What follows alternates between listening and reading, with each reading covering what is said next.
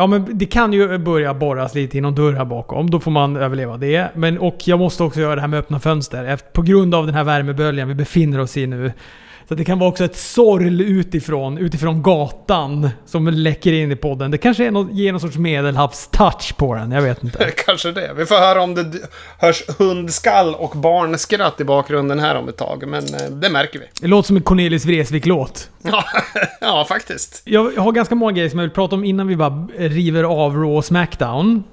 Eh, bland annat så måste vi prata lite om Undertaker. Jag vet inte om du har sett The Last Ride? Eh, Ja, ja, jo då, jag plöjde sista delen idag. Så att jag har sett. vad tycker du då? Jag tycker det var en jättebra dokumentärserie. Jag tycker man fick en jävla human bild av Vince för en gångs skull. Det här är typ enda gången man har sett honom både bräcklig eh, fysiskt och psykiskt på flera sätt. Liksom. Ja, men också att det är en människa med typ ett hjärta. Att han ändå Ja. så här kan visa tårar och att han kan visa känslor och att han ändå så här... eh, Ja, men visst. Att han bryr sig om andra människor. Det där är den Man- första det- vänskap jag har sett honom visa. För man har ju sett honom prata och liksom bry sig om dem på ett professionellt stadium. Men här är han ju en vän. Nej, jag fick, och jag fick också typ en helt annan respekt för Undertaker när jag kollade på den här. Vi är ju en av dem som typ sen han... Oh, ah, jag vet inte. Kanske att det är... Ja men Brock, sen han förlorade mot Brock Lesnar. Ända sen dess har jag ju varit så här. Ja men nu, det där borde ha varit sista. Egentligen borde ju matcher långt innan det varit de sista. Shawn Michaels, Triple H-matcherna kanske, eller något sånt där. Eller han gjorde väl för sig en mot Sim Punk. Var inte den efter Shawn Michaels? Jo, det var den ju. Och den vet jag att jag tyckte om ganska mycket. Men... ehm, Ah, jag vet inte, men jag kan ändå förstå du vet när han sitter där och bara berättar. Jag har aldrig tänkt det ur det perspektivet, att det är som en drog för karln. Och att det är så här äh, att han går en match och så ser han på den sen och bara ah, det här var ju ett... Det här var ju ett vrak till match. Det är klart jag måste gå en till match så att jag kan lämna det här med någon sorts god smak i munnen. Jag kan inte lämna den med en fadd smak i munnen. Och det, kan jag, det har jag full respekt för. Absolut, men man fick det. Det vart väldigt humant och ja, men en bra infallsvinkel. För man kan ju, precis som du sa, jag tyckte att vad fan håller han på med? Varför kliver han in i ringen? Det här kommer ju bli en trainwreck. Eller bara tråkigt. Ja, vad tror du då? Blir det... Han sa ju här nu då att han inte hade... Eh, ah, ja, men att han ska retire. Att han, han har inga intuitioner i alla fall att gå tillbaka till ringen. Det är ju svårt att se att han vill lämna det utan att eh, göra det inför publik. Det är väl den enda lilla liksom, grejen. Att det här nu vart eh, den här matchen under coronatider. Liksom. Men hade det varit inför publik då hade jag nog fan trott han till 100%. Nu tror jag han till 78%. Men också för att han flaggar så här. Ja, det är klart. Om Wins ringer och säger att det är kris. Ja. Man bara... Ja, har du tittat på produkten? Det, det, han borde ringa varje vecka. Ja, men så det känns som att han... Det, fin- det är inte... ehm, ah, när han flaggade för det så kände jag, ja det där samtalet det känns ju inte jättelångt ifrån att Vince skulle mycket väl kunna tänkas göra. Men eh, ja, jag vet inte. Det är klart alltså, då blir ju... Jag uppskattar ju den här Boneyard-matchen väldigt, väldigt mycket. Jag tyckte att det var det bästa som var på det där WrestleMania. Att, Jag gillade ändå den där... Eh, ja, men jag uppskattade den. Jag tyckte den var bra. Och ifall det där blir hans absolut sista match så tycker jag ändå att han lämnar det med flaggan i topp. Absolut, han räddade ju WrestleMania tycker jag med den här matchen. Alltså det var ju lätt den bästa underhållningen på de två kvällarna, tycker jag är extremt svårt för när han refererar eh, eh, till AJ Styles som Alan. Han heter väl Alan Jones va? ja, Alltså. Allan är så... Det är, så, det är som inte i samklang med AJ Styles tycker jag, att han heter Allan. Men tänk vad han har kommit långt mot när man började se honom i TNA, de första showerna där liksom. Från en pojkspoling till den här äh, bästa allround performance de har tror jag. Jag tycker det i alla fall i WWE just nu. Ja, nej, vi får väl se. Men eh, två tummar upp i alla fall till den där dokumentären. Den var riktigt, riktigt bra. Skulle kunna tänka mig att se den igen på ett löpande band. Nu har man ju liksom sett dem uppstyltat sådär. Men nej, den var riktigt, riktigt bra. Jag håller med. Du, ska vi också dra lite mer om det här Speak Out? Att eh, Det har ju fått mer ringar på vatten. Så jag såg att de här Bar Wrestling skulle stänga ner. Joey Ryan har ju fått kicken från typ allt. Såg att Young Bucks hade börjat plocka ner en massa Being Delete-avsnitt där han hade medverkat också. Jaha, det hade jag missat. Men ja, och det är ju... Det är ju lite svårt hur man ska förhålla sig till det här, för det enda man kan göra är väl att rapportera läget och sen så inte göra någon djupare analys, för det är ett sånt svårt läge liksom att, att säga något om något egentligen. Eh, men det är ju intressant att det har blivit mer på den amerikanska wrestling-scenen. Det var ju, när vi pratade om det sist, så var det ju väldigt lite där. Nu har det ju nystats upp mer och mer. Det får ju lite olika typer av konsekvenser för olika brottare. Alltså Joe Ryan verkar de ju då steka helt. Jag har ju svårt att se han återhämta sig Eh, från det här överhuvudtaget. Om det nu blir så pass omfattande som det blir. Att han får sparken från typ alla sina jobb.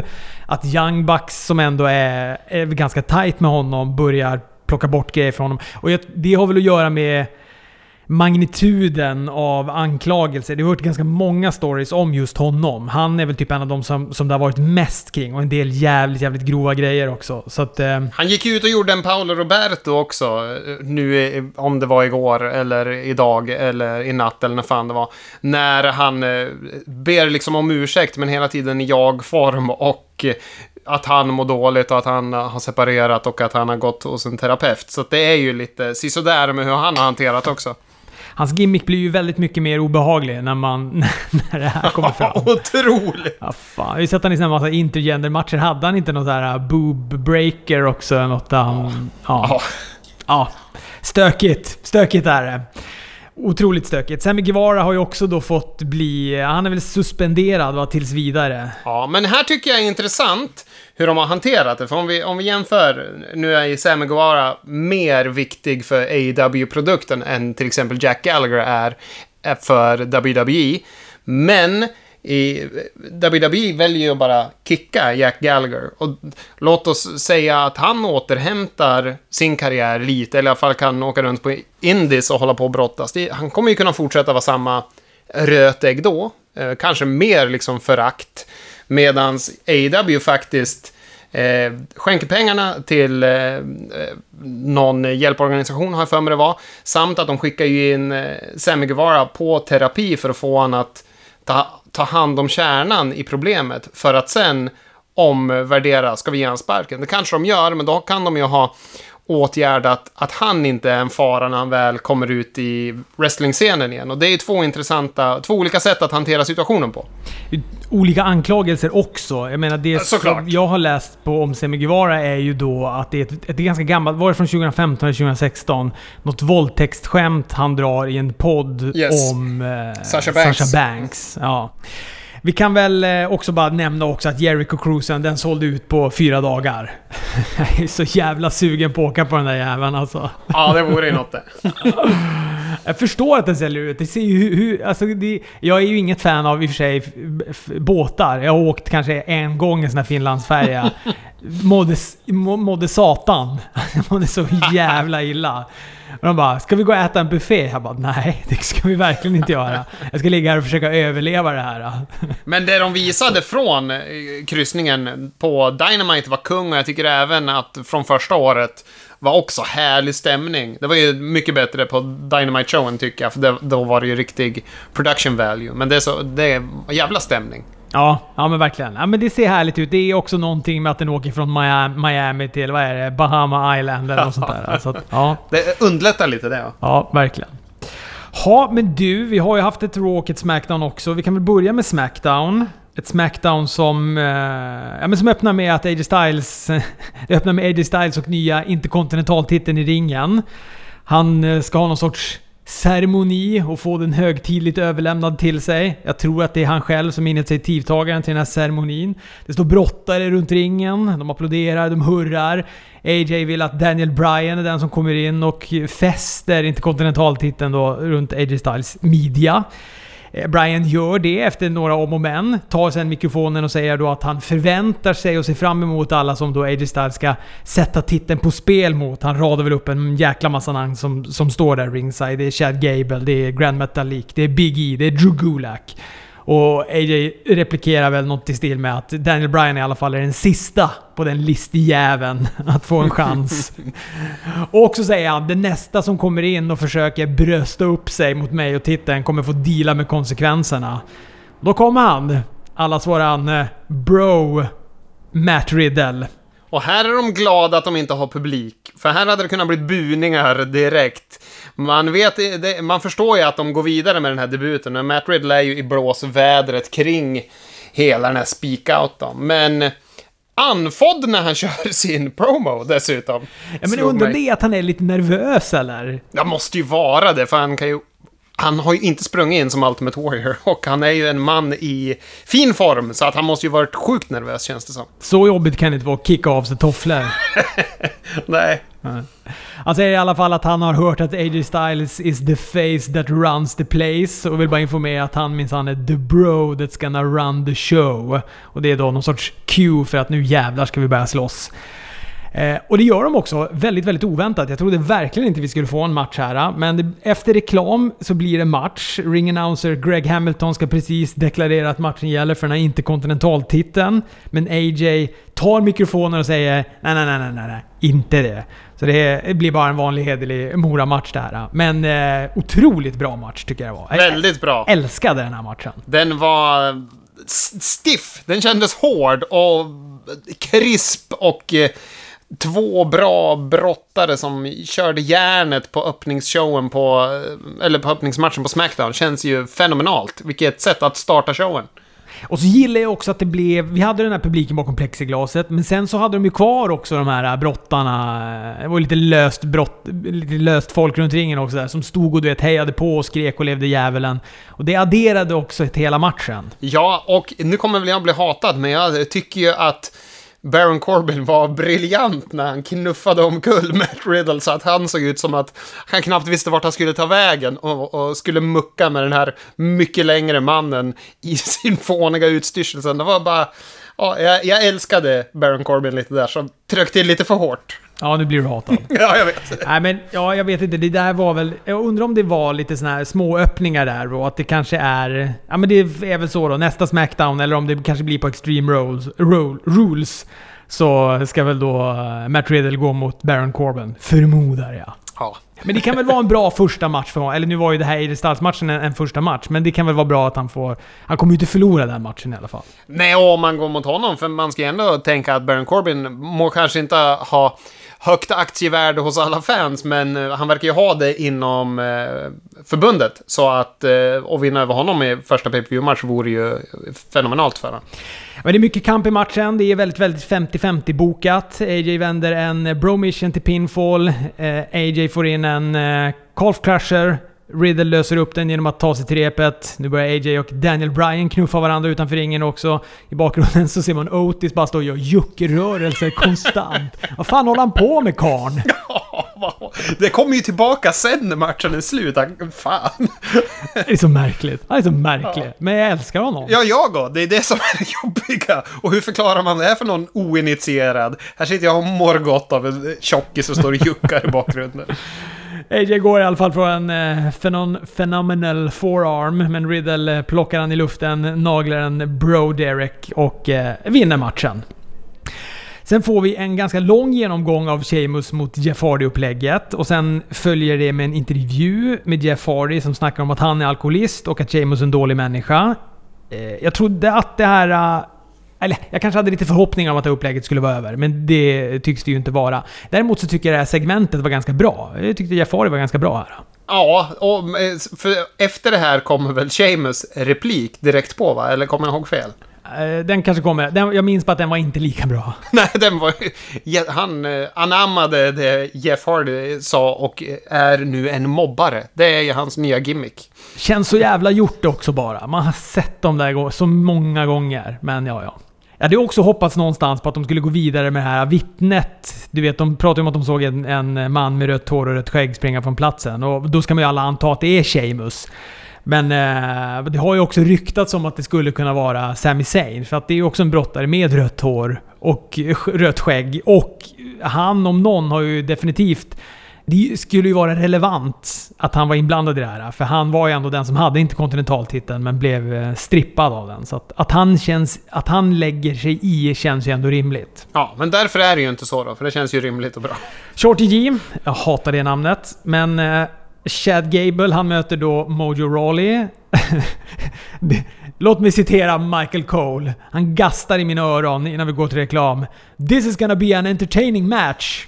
Jag höll inte andan, vilket var tur, för att eh, särskilt underhållande. Det var den inte. Nej, och sen så, vad heter det, det är ju en, en big upset att Shorty G kanske vinner matchen och när han vinner det, då är det ju en big upset, säger de också.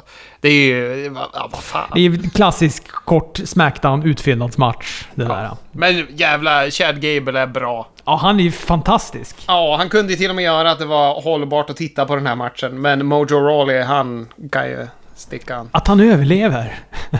Alltså att han inte är... Att han inte är sparkad för länge sedan. Kostar karln ingenting eller?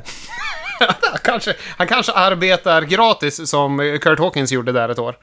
Vi får ett eh, Miss TV med Mandy Rose, men eh, först så ska då eh, Miss Morrison adressera sin fadäs på Backlash där de då började tjafsa om vem som skulle ta pinfallet på Brown. Miss säger att de helt enkelt tappade fokus på grund av att de ändrade reglerna precis innan matchen. De trodde hela tiden att de skulle kunna vara Co-Universal Champions. Fair enough tycker jag. De förklarar ju ändå de förklarar ändå här och så går de vidare. Och jag trodde... Det trodde jag inte. Jag trodde att det här skulle vara som om ingenting nu. Klassisk VVR-are. Klassisk VVR-are. Att, att man bara kör på och låtsas som att det aldrig har hänt. Nej, men absolut. De, och det var underhållande. De är ju bra de här två. De snackar också om Sonja Deville med Mandy och på sant Jerry Springer maner så säger de Vi råkar ha Sonja Deville med oss här bak. Välkommen in! Och så kommer hon in. Och eh, fan Sonja Deville alltså, hon är så bra. Jag tycker hon är så bra! Ja, ja jag håller med. Hennes promos som känns genuina, hon kan förmedla dem på ett bra sätt. Man engagerar sig känslomässigt. Jag tycker hela det här upplägget är helt hennes förtjänst. Mandy gör ju typ ingenting. Det är ju lite det hon också vill påvisa med hela sin promo. Att Sonja är överlägsen Mandy. Och, och allt... Hon är överlägsen Mandy på alla sätt. Och äh, Mandy får alla fördelarna då på grund av hennes yttre och sådär. Och, eh, jag och gillar också att hon förklarar att hon ska demontera Mandy del för del. Så hennes insida blir lika rutten som hennes...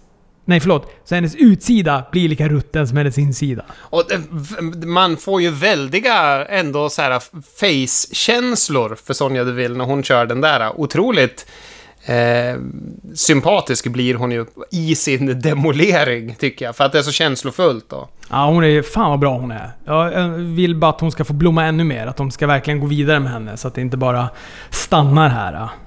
Vad ska hon göra efter den här fejden till exempel? Då måste de verkligen gasa på med henne.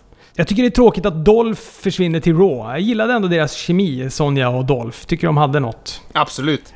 Bailey och Sasha gästkommenterar en tag till match mellan New Day och Lucha House Party. En eh, bra match. New Day vinner. Efter kommer Nakamura och Cesaro in och ger sig på New Day.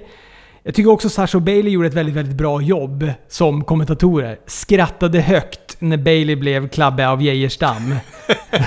när, när Nakamura och Cesaro gjorde den här Cesaro swing slash Kinshasa kombinationen. Och Bailey skrek “Jausa!” Men det var även väldigt mycket så här uppbyggt som att de skulle ta sig an New Day. För de var väldigt ja. så här, jaha, vad är, vad är det här på väg någonstans? Väldigt underhållande. De gjorde ju matchen, som jag håller med, var en väldigt underhållande match. De är fan bra Lucha House Party, trots sitt värdelösa namn. Så är de ju underhållande, även fast man förstår ju att de kommer förlora så fort de kliver upp i ringen. Men eh, de förhöjde ju matchen, Sasha och Bailey. De är fan klockrena, roliga. Ja, verkligen. Det kändes också lite som att man tog ett nytt steg. Har vi någonsin sett det här tidigare? Att... Eh, om vi nu ska vara så då, men att brudar verkligen får prata ner en, en, en, en match med snubbar i på det där sättet. Det brukar ju annars vara tvärtom. Ja men visst, och just det gjorde ju att jag blev på tårna. Just det här bara, vad fan, kommer vi få se New Day mot de här? Nej, vad fan, det kan det ju inte bli. Men aj, väldigt, eh, det, det var nytt på något vis. Det kändes fräscht. Nikki Cross kommer farandes och vill ha match. Tror egentligen hon vill ha en match mot Bailey, men Bailey kastar snabbt in Sasha i den här matchen istället.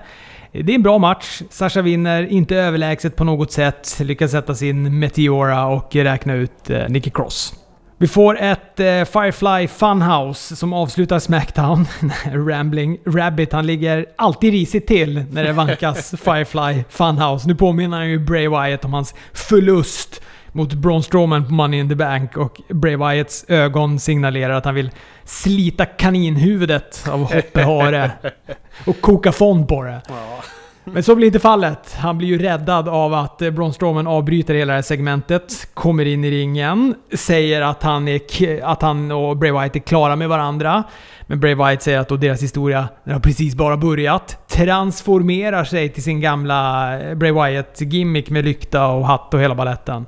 Fick lite gåshud av det. Älskade ju den karaktären, men... Eh, blir lite fundersam vad det är de gör. Ska Bray Wyatt vara lite, lite som Matt Hardy är i AW nu? Att han har eh, multipla gimmicks? Ja, Men det är väl att han... Han har väl hela tiden haft det här att han går tillbaka till deras förflutna. Och sen så just att de... Eh, att han nu tar den här gimmicken är väl bara en vidareutveckling av det. Men jag också tycker det var fenomenalt att få se den här gamla Max Cady-karaktären komma tillbaka från Cape Fear, känns det ju som. Han är, är ju obehaglig på de bästa sätten. Jag tycker ju... Jag hade ju hellre sett att de lyckades tygla den gimmicken än den han har just nu, faktiskt. Eh, ja, men de tappar ju, tappar ju bort han och han sa inte så mycket i sina promos. De var ju underbart levererade, Jake the Snake-klass nästan, men de sa ingenting. och det var lite synd, liksom. Han skulle behövt någon som tyglade honom och liksom kanske pekade honom rätt. Så att det var skönt att han fick eh, omfödas som The Fiend, men fan nu när han har blivit ännu mer ruttig, sätt han tillbaka till den där kultledaren igen. Det vore fint. Ja, och för den här Defin-gimmicken, den känner jag ju är skjuten rätt ner i marken. Alltså, den, jag tyckte den var svincool när den kom och kändes eh, spännande och sådär. Men äh, fan, matcherna har ju varit så dåliga och... Eh, jag gillar den här lite sociopat-barnprogramledaren, Det tycker jag är kul.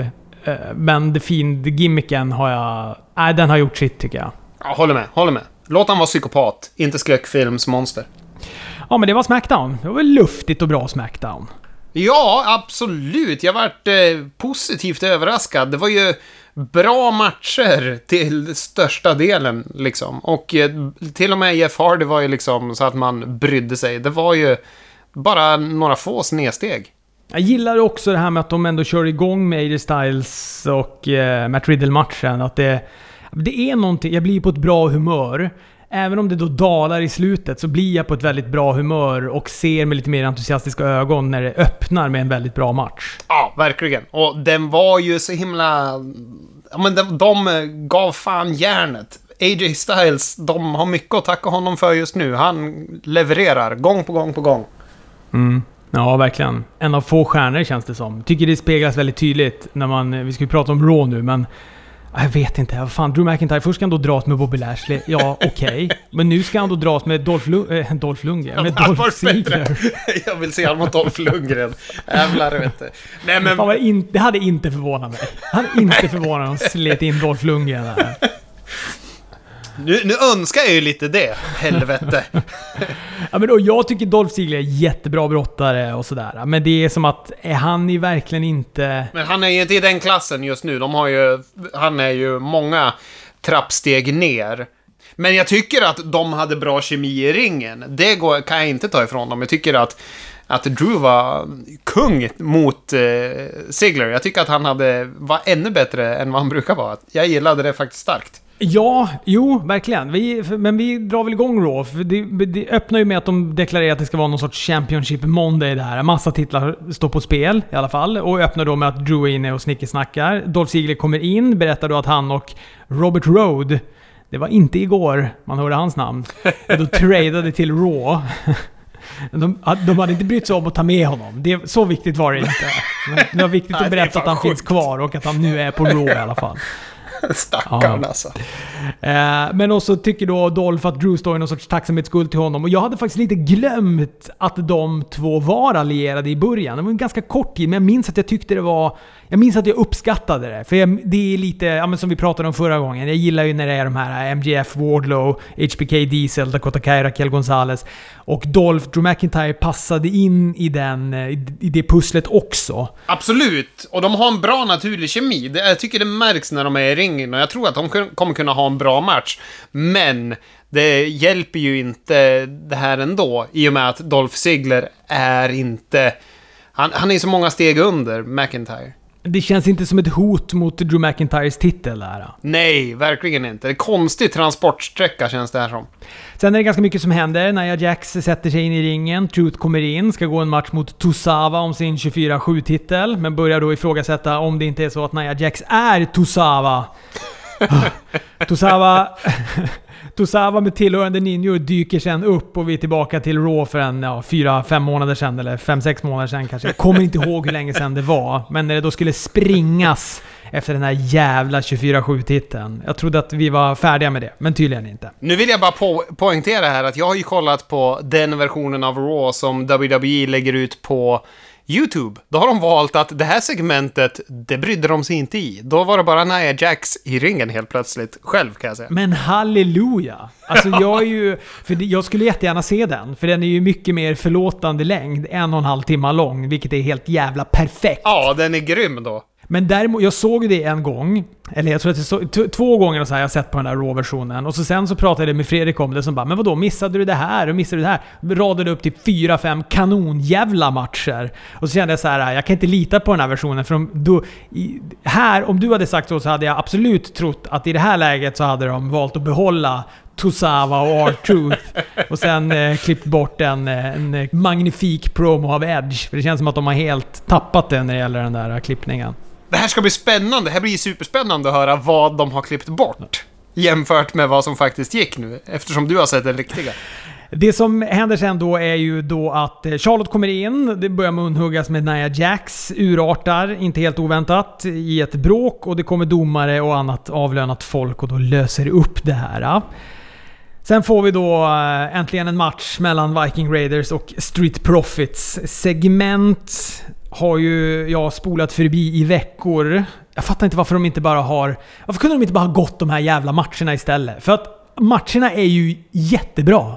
Det är en jättebra match det här. Ja, den här matchen hade varit superbra tycker jag om vi hade tagit bort... De, de tar ju in lite WWF från tidigt 90 när alla ska börja jula mitt i för att tilltala småbarnen. Men i övrigt fenomenalt. Montez Ford kommer ju bli han kommer bli Booker T i det här teamet om några år. Han, han har utstrålning och ja, han, han kommer bli en stjärna. Det, han, och hans stackars partner kommer glömmas bort, tror jag. Inte något fel i honom i tag team-miljö, men ja, jag tror han är the breakout star här. Ja, men det bokstavligen rinner ju karisma ur munnen på jäveln alltså. Han är så fruktansvärt karismatisk alltså. Ja, och sen så bara hans frog splash. Jag, jag, jag vill visa alla det. Jag vill gå till min chef och säga Titta här! Det är det här jag gör på fritiden. Ja, att man kan hoppa sådär högt. Ja, det är, helt vansinnigt. Men, och jag har sett, man har ju sett matcher med de här tidigare och alla matcher som de har gått mot varandra har varit bra. Så det är egentligen inget konstigt att det här är bra. Men bara när jag ser det så kan jag inte hjälpa att bli irriterad för att jag har fått sitta och spola förbi en massa jävla buskissegment. Bara, ni hade kunnat köra i fyra fem veckor. Hade ni bara kunnat, de hade bara kunnat få gå den här matchen. fyra fem veckor. Exakt samma match. Jag hade älskat det. Ja. Ni kan jula på för fan. Bara ni slipper hålla på och göra The Force med någon kycklingklubba. Ja, Sjukt nej. starkt också. Såg du det när Eric fångar upp Montesford ja. mitt i den här huvudsaxen från ringen ut på golvet? Det är vansinnigt starkt. Men överhuvudtaget, fan. Man ska inte glömma bort att eh, jävla Viking Raiders är ett badass team. De är inte bushwackers. De är ju grymma när de får vara det de faktiskt är. Och, och tänk dig de här två teamen. Jag vet att våran, våran, vårat hjärtebarn Bruce Pritchard blir arg att Meltzer alltid ger bättre betyg i vad heter det, The Tokyo Dome. Men tänk att få se de här två teamen i Tokyo Dome med en lite längre tid och få se dem bara blomma ut. Fan, det hade kunnat varit så jävla kung. Ja, visst. Det är gospel. Ja. Eh, Street Profits vinner i alla fall den här matchen på en Spear och eh, Frog Splash. Och sen är det kramkalas efteråt. Seth Rollins, han har gått in i ett sånt här depp-mode igen. jag gillar inte det. Jag tycker han ska le och, och se psykotisk ut. Men det tycks bli så här när han får lite motgångar i livet. Nu senast var det ju då Dominic som gjorde han till åtlöje förra veckan. Då åker han hem, lyssnar på Broder Daniel och blir emotionellt introvert. Ja. Segment med Selina Vega som håller skenet uppe. Finns inga sprickor mellan Andrade och Garza längre, säger hon. Eh, Charlie Caruso blinkar lite med ögat till Garza. Jag vet inte, kan de bli en duo kanske? kanske skulle kunna vara något. Ja, om inte annat så är det ju bäst att han har den här matadorjackan. Jag reflekterar inte över den förrän du påpekar och nu bara... Åh! han är ju en fashion statement utan dess like. Vilken kung han är! Jag vill också ha en matadorjacka. Sekunden den dyker upp på WWE-shoppen. Det ligger mitt Paypal-konto redo. Det här ska vi komma ihåg. Nej för fan, jag tar tillbaka det där. Charlie Caruso och eh, Garza, då skulle de säkert tuta ihop dem i en jävla mixed tag team match mellan Selina Vega och Andrade. Låt Ja, bli. nej, låt bli. Låt bli. Vi får se ännu en gång då en match mellan Charlotte Flair och Asuka. Var den med på eh, din YouTube-version? Den var med. Den var med och eh, bra. Ja, super, super bra. Ja, När Jack står också i en sån här onaturlig backstage pose och kollar på TVn. precis vad jag tänkte. Och jag tänkte även att de har börjat vinkla den lite bättre. Den var sämre förra veckan. Nu är den lite mer logisk, men ändå så här sämst. Varenda gång som de åker ba- bak med kameran och man ser dem stå sådär, så jag bara direkt får jag liksom, det bara smärtar hela nacken ner mot ryggslutet på mig. För bara, det, du, det måste ju jätteont att stå sådär och kolla på, på, ett helt, på en hel match backstage.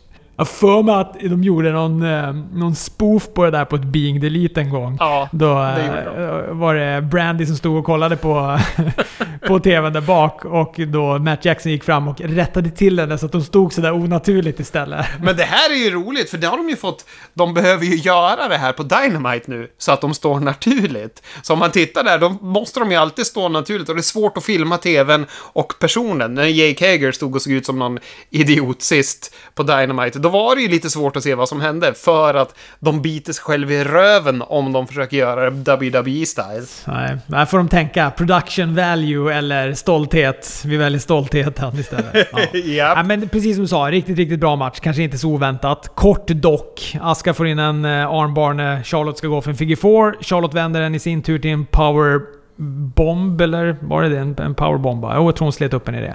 Men i landningen där så lyckas då Aska i alla fall låsa in ett Aska-lock och vinna matchen. Sen får vi en eh, magnifik promo av Edge. Ja. Fasen vad bra den där var alltså. Det var dunkel belysning, han tittar in i kameran, förklarar att han ska plocka ner Randy Orton bit för bit. Jag hoppas verkligen att de håller liv i den här äh, faden under de här månaderna som nu Edge äh, är skadad. Jag vill gärna se en, en till match mellan dem. Gärna i en fullsmockad arena, när vi nu är där. Tänk vilken pop han kommer få. Om det är om nio månader, liksom, när vi, då måste vi vara ur pandemin, liksom. Fan, tänk! Det var ju så att man fick äh, gåshud och nästan tårar i ögonen när han kom på, på Royal Rumble. Tänk när han gör den här, när vi äntligen har publik på plats. Fan, fenomenalt. Och överraskande tycker jag att de höll i den så här fort också. Att det, det hålls liv i den. Jättekul att se. Ja, för jag tror verkligen att de skulle kunna göra det. Det är ju bara, eh, absolut, Orton kan ju gå en massa andra matcher mot, en, mot brottare och sådär, men bara Edge markerar sin närvaro lite då och då. Ja, klarade Sting av det, som är begränsad i jämförelse med Edge, så kommer Edge kunna klara av det i att göra promos. Om man tänker på när han byggde mot Hogan i ett år, eller hur länge det var. Kul, kul när Edge sa att, han, att, han, att Orton kommer önska att Cowboy Bob Orton sköt blanka skott natten som Randy Orton blev till. Ja, men visst. Och här, om man jämför det här mot för när Otis står och juckar, först i bakgrunden, sen i förgrunden, om man på något sätt sitter och myser och mår gott, men man vill inte gärna att någon ska veta att det är här man tittar på, så är det här Edge promo någonting man skulle kunna visa för vem som helst. Det här är en tagning, en jävla lång tagning när han sitter och levererar det här. Det är... Det är inte många skådisar som gör det där så där bra. Grymt var det. Det blir så jävla mycket bättre när de gör det så här också, än att de ska ha en massa backstage-intervjuer. Ja, Det, ehm, ja, jag hoppas verkligen att de fortsätter lite med det här. Det var faktiskt ganska mycket... Alltså, det, det, det jag reagerade på i alla fall eh, under det här året, det är att det är väldigt mycket... Vad fan, den som har mest TV-tid är ju typ Charlie Caruso. Alltså det är massa intervjuer. Det är segment och intervjuer. Det är inte, kändes som att det var färre matcher än vad det brukar vara. Och jag vet inte om det här är någon sorts Bruce Pritchard-strategi möjligen. Att han... Eh, ja men du vet, det är lite luftigare. Det är inte så många matcher. Det är fler videosegment, återblickar, intervjuer. Vi fick ju inte heller första matchen. Jag tror att det hade gått nästan... Jag kollade ju, om, om du kollade på den klippta YouTube-versionen kollade jag på den diametrala motsatsen. På en sån här bandad eh, YouTube TV-version med reklam. Sen försöker jag i och för sig spola reklamen också. Men jag tror att det var typ 45 minuter innan den här första matchen ens satte igång på Raw. Truth möter Tosawa om 24-7-titeln. Hinner inte ens börja innan Bobby Lashley kommer in och stör. Han nitar ninjor till höger och vänster. Tosawa sticker, gömmer sig under ringen. Lashley däckar Truth med Nelson. Efter så smyger Tosawa fram, tar pinfall och är nu den nya 24-7-mästaren. Och jag slapp se. Fan, jag ska också kolla på YouTube-versionen nästa vecka. Ja, men det här kändes ju som att det var helt överflödigt. Det här var ju att fylla tv-tid va? Men det är därför de bara skulle egentligen göra Raw en och en halv timme istället och plocka bort de här äh, grejerna. Vi får ju Natalia också mot Liv Morgan. Bortklippt! Ja, du hade den. Slapp den också. Ja. Ja, men Natalia lanar med sig in i ringen, får burop av publiken, gör en rätt eh, intervju innan sin match. Och eh, ja, jag vet inte, man får väl betrakta henne som heel nu då. Hon får, också vinna över Liv Morgan relativt enkelt. Avsluta henne med en, med en sharpshooter. Alltså Natalia, hon är ju the women's divisions version av Big Show. Hon är ju face och heel lite som det behövs bara. Ja, lite vad som passar från vecka till vecka. Ja. Och att hon också får chans på chans på chans. Nu känns det som... Bara, bara att hon får nu vinna över Liv Morgan känns det som att de bara... Att de har något på gång för henne. Och jag tycker också synd om Liv Morgan, för det känns som att hon pushades... Hon var ändå på gång att pushas. Och Jag tycker ändå hon gjorde det bra. Jag gillar hennes... Jag tycker att hennes matcher har varit bra. Den här grejen med Lana var väl inte kanske det mest spektakulära jag har sett. Men... Eh, fan, så länge matcherna går bra och så. Men nu känns det som att hon... Jag vet inte om, det, om du hade med det, men det fanns också ett väldigt kort segment där hon och Ruby Riot började liksom snacka med varandra. Så jag vet inte om det... Om Nej, det nej, det var inte heller med. Men det är ju konstigt det här att man hela tiden går tillbaka eh, till Natalia för att hon, likt Dolph Ziggler, kommer ju aldrig vara ett riktigt hot eftersom vi vet att det här kommer aldrig nå upp någonstans medan Liv skulle kunna bli något. ja, men man har ju tappat förtroendet. Exakt. Sen var Flair i ringen. Han är, han är så jävla schizofren, Ric Flair. Alltså först ska han ju då tala om Nia Jax och, och eh, att Charlotte kommer komma efter henne när hon är eh, när hon är, är hel igen. Men det är stelt och det är... Jag tycker det är uselt levererat av Ric Flair. Det här snacket om Nia Jax. Om Charlotte Flair och Nia Jax. Sen Sen växlar han om totalt när han ska snacka om Randy Orton. Då blir han Ric Flair och så är han hur jävla bra som helst. Jag tycker det är så märkligt att det kan svänga så där mycket. Det är konstigt, för han borde ju bry sig mer om sin dotter. Och liksom och få det att bygga bra, men eh, inte här inte. Men det är också som så här, vad, är, vad, vad av det här är det manusbundna? Det, är det den första biten? Just det, Flair, när du går in, vi måste bygga Charlotte också. Hon är skadad nu, så hon kommer vara borta ett tag. Vi måste, hon, eh, du måste blåsa upp hennes fade då med, med Nia Jax. Här har du ett papper. Säg det här bara innan du börjar göra din grej om Randy Orton. Som han inte har ett manus på förhoppningsvis. För det är ju där han är Flair och där släpper han ju bara lös. Uba är så jävla, jävla bra. Ja, eller så är det bara att han inte kan hantera och prata om sin egen familj. Man ser ju alltid att han blir väldigt känslomässig när han pratar om henne. Det var ju, jag tror att det var förra veckan som det var ett segment där bara de två, Charlotte och eh, Ric Flair, stod och pratade backstage. Och det var också ett snack som var bland det stelaste jag sett någonsin. Ändå far och dotter. Det borde inte vara stelt. men det kan vara. Du kan ju slå spiken på huvudet, för han är ju... Han måste ju vara den mest känslosamma inom hela wrestlingbranschen. Jävlar vad de tutar hos dig. Ja, jag vet. Det ramblas här utanför Vasaparken. Nej, men vad heter det? Han måste ju vara en av de mest känslosamma inom hela wrestlingindustrin. Och det kanske är så enkelt att han inte, att han inte kan hålla ihop det när han ska göra något med Charlotte. Han verkar ju vara så otroligt stolt också. Orton och Flair snackar på. Big Show kommer in. Orton refererar till honom som en legend, vilket är väl en cue då för att Orton är på jaktstigen. Han är ju ändå the legend killer.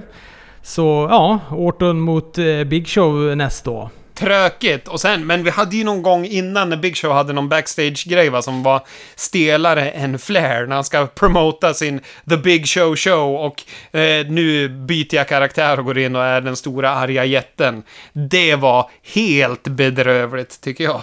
Bailey och Sasha med tillhörande tag team-titlar. De är på spel mot Iconics. Det här är ju ingen lysande brottningsmatch. Mycket på grund av Iconics. De har ju väldigt svårt att hänga med. Men Bailey och är lysande som vanligt. Patron Royce skickar Sasha rätt in i Bailey som faller ner till marken. Peyton tar pinfall men Sasha kickar ut. Sätter Peyton i sin banks statement och eh, vinner den matchen.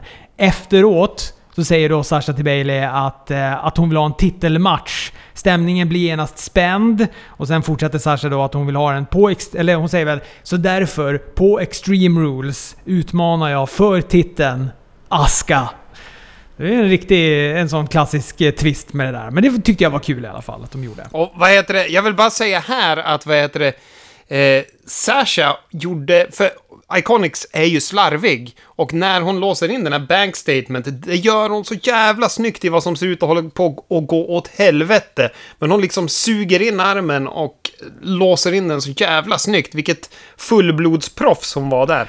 Aska kommer också in sen då och accepterar den här utmaningen och det urartar i stök. Eh, men jag skulle tycka att det var kul om eh, Sasha fick ta den där. Tänk, då har de alla titlarna. inte mig emot. Nej, inte mig heller. Och det bygger ju upp ännu härligare till den eventuella splittringen som fan måste komma någon gång. Vi får ett eh, VIP-lunch. MVP har eh, bjudit in eh, US-mästaren Apollo Crews. Han är ju ute efter honom, vill ha med honom i sitt stall. Alltså han och Bobby Lashleys stall. Apollo är väl halvintresserad. Shelton Benjamin kommer in, ger sig på Apollo och det här resulterar då i en match. Apollo Crews mot Shelton Benjamin. En match som jag tycker är väldigt, väldigt bra. Tyvärr är den ganska kort. Shelton eh, nickar eh, ringposten och sen på en spark i skallen och en toss powerbomb och Apollo vinner. Och eh, WWE sitter med saxen och klipper bort det här så ingen ska få se när två bra brottare går match. Den här skulle jag ju gärna ha sett. Speciellt om den var kort och hade kunnat tryckas in där istället för Ja men när Big Show står och jamlar backstage. Efteråt så dyker också Lashley upp då och sätter Apollo Crews i en full Nelson. Men vi får väl se. Det känns ju ändå som... Jag skulle, jag skulle uppskatta det stallet. Eh, Bobby Lashley, Apollo Crews, Shelton Benjamin och MVP. Fan, det är ändå... Gaskar upp allihopa tycker jag. Ja, det vore jävligt härligt tycker jag. Och vad heter det? Jag som inte såg segmentet, var MVP kanonen nu också? Ja, som vanligt. Ah, härligt. Avslutningsvis då så är Ray och Dominic i ringen. Ray är ju inte helt överförtjust i Dominics entusiasm av vendetta på Seth Rollins. Eh, Dominic tar micken och säger “Seth, This is what a family looks like and this family wants a fight. Seth kommer in med Austin Theory och Murphy, men det, det gör också Alistair Black och Umberto Carrillo. Det blir stökigt, avslutas med att eh, Seth sätter Dominics öga mot den här ståltrappan men hinner inte skada han innan Umberto jagar bort honom med en, eh, med en stol. Bra segment, tycker jag. Ja, jag tycker att det är... Fan, men jag sitter också bara och väntar på att... Eh, jag tycker att det har luktat...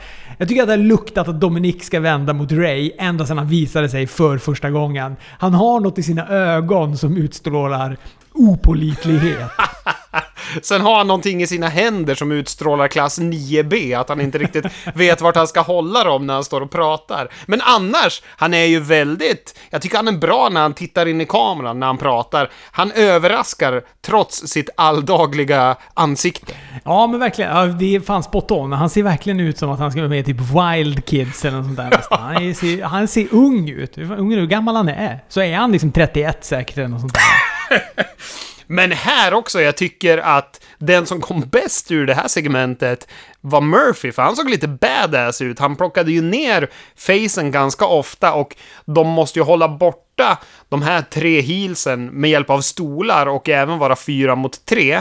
Och, eh, ja, men allt som allt, jag gillar det här. Jag trodde inte att jag skulle tycka att den här storylinen skulle bli så här intressant, men jag är fan taggad. Ja, nej, men jag tycker det är mycket grejer som puttrar som är bra på Raw. Det är en hel del grejer som eh, puttrar som inte är så bra också. Jag måste, måste bara säga att jag tycker att eh, om man jämför då den full, fullängdsshowen där de får in alla pengar från tv-bolaget kontra det som är på YouTube, så verkar de ju ha hyfsat koll på vad som är bra och dåligt ändå. De vet vart de har lite filler. För den versionen jag såg kändes fan bra. Ytterst få grejer jag skulle vilja ändra på. Visst, det är tråkigt det här med Sigler, att han ska vara som något hot, men det var ju ändå fartfyllt och bra Raw. Mm. Ja, jag får kanske kolla på ett till sån här YouTube-klipp och revidera. Eh, och ingen skulle bli gladare än jag ifall jag kunde nöja mig med det istället. du, eh, tack så mycket Chris. Tack själv! Och tack för att du har lyssnat. Det blir bara ett avsnitt den här veckan, så blir det ibland. Du kan ju lyssna på något gammalt avsnitt om det pockar på. Annars kan man också lyssna på någonting helt annat. Eh, vi hörs!